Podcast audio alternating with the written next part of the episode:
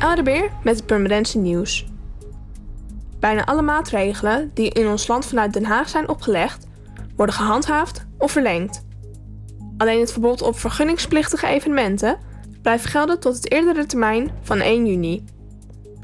Scholen in ons land blijven zeker dicht tot na de meivakantie.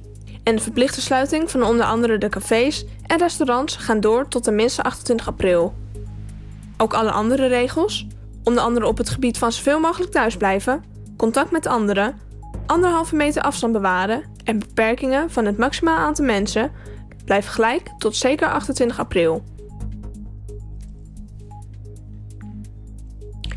Er wordt veel gebruik gemaakt van het meldpunt in de gemeente-app. In nog geen week tijd zijn 131 telefoontjes binnengekomen bij diensthandhaving.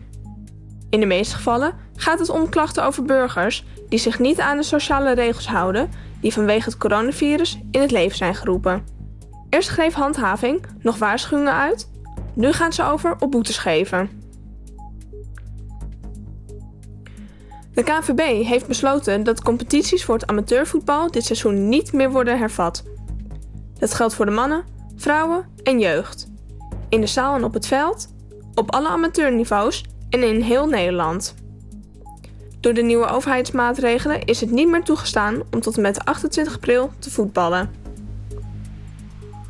De wekelijkse dinsdagmarkt in de Purmerendse binnenstad gaat door tijdens de coronacrisis. Maar veel publiek loopt er niet rond. Gemeente Purmerend had al besloten om vanwege de coronamaatregelen de marktkramen verder uit elkaar te zetten.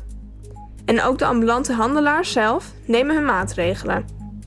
Bij de meeste kramen is wel een bordje te zien: anderhalve meter afstand bewaren.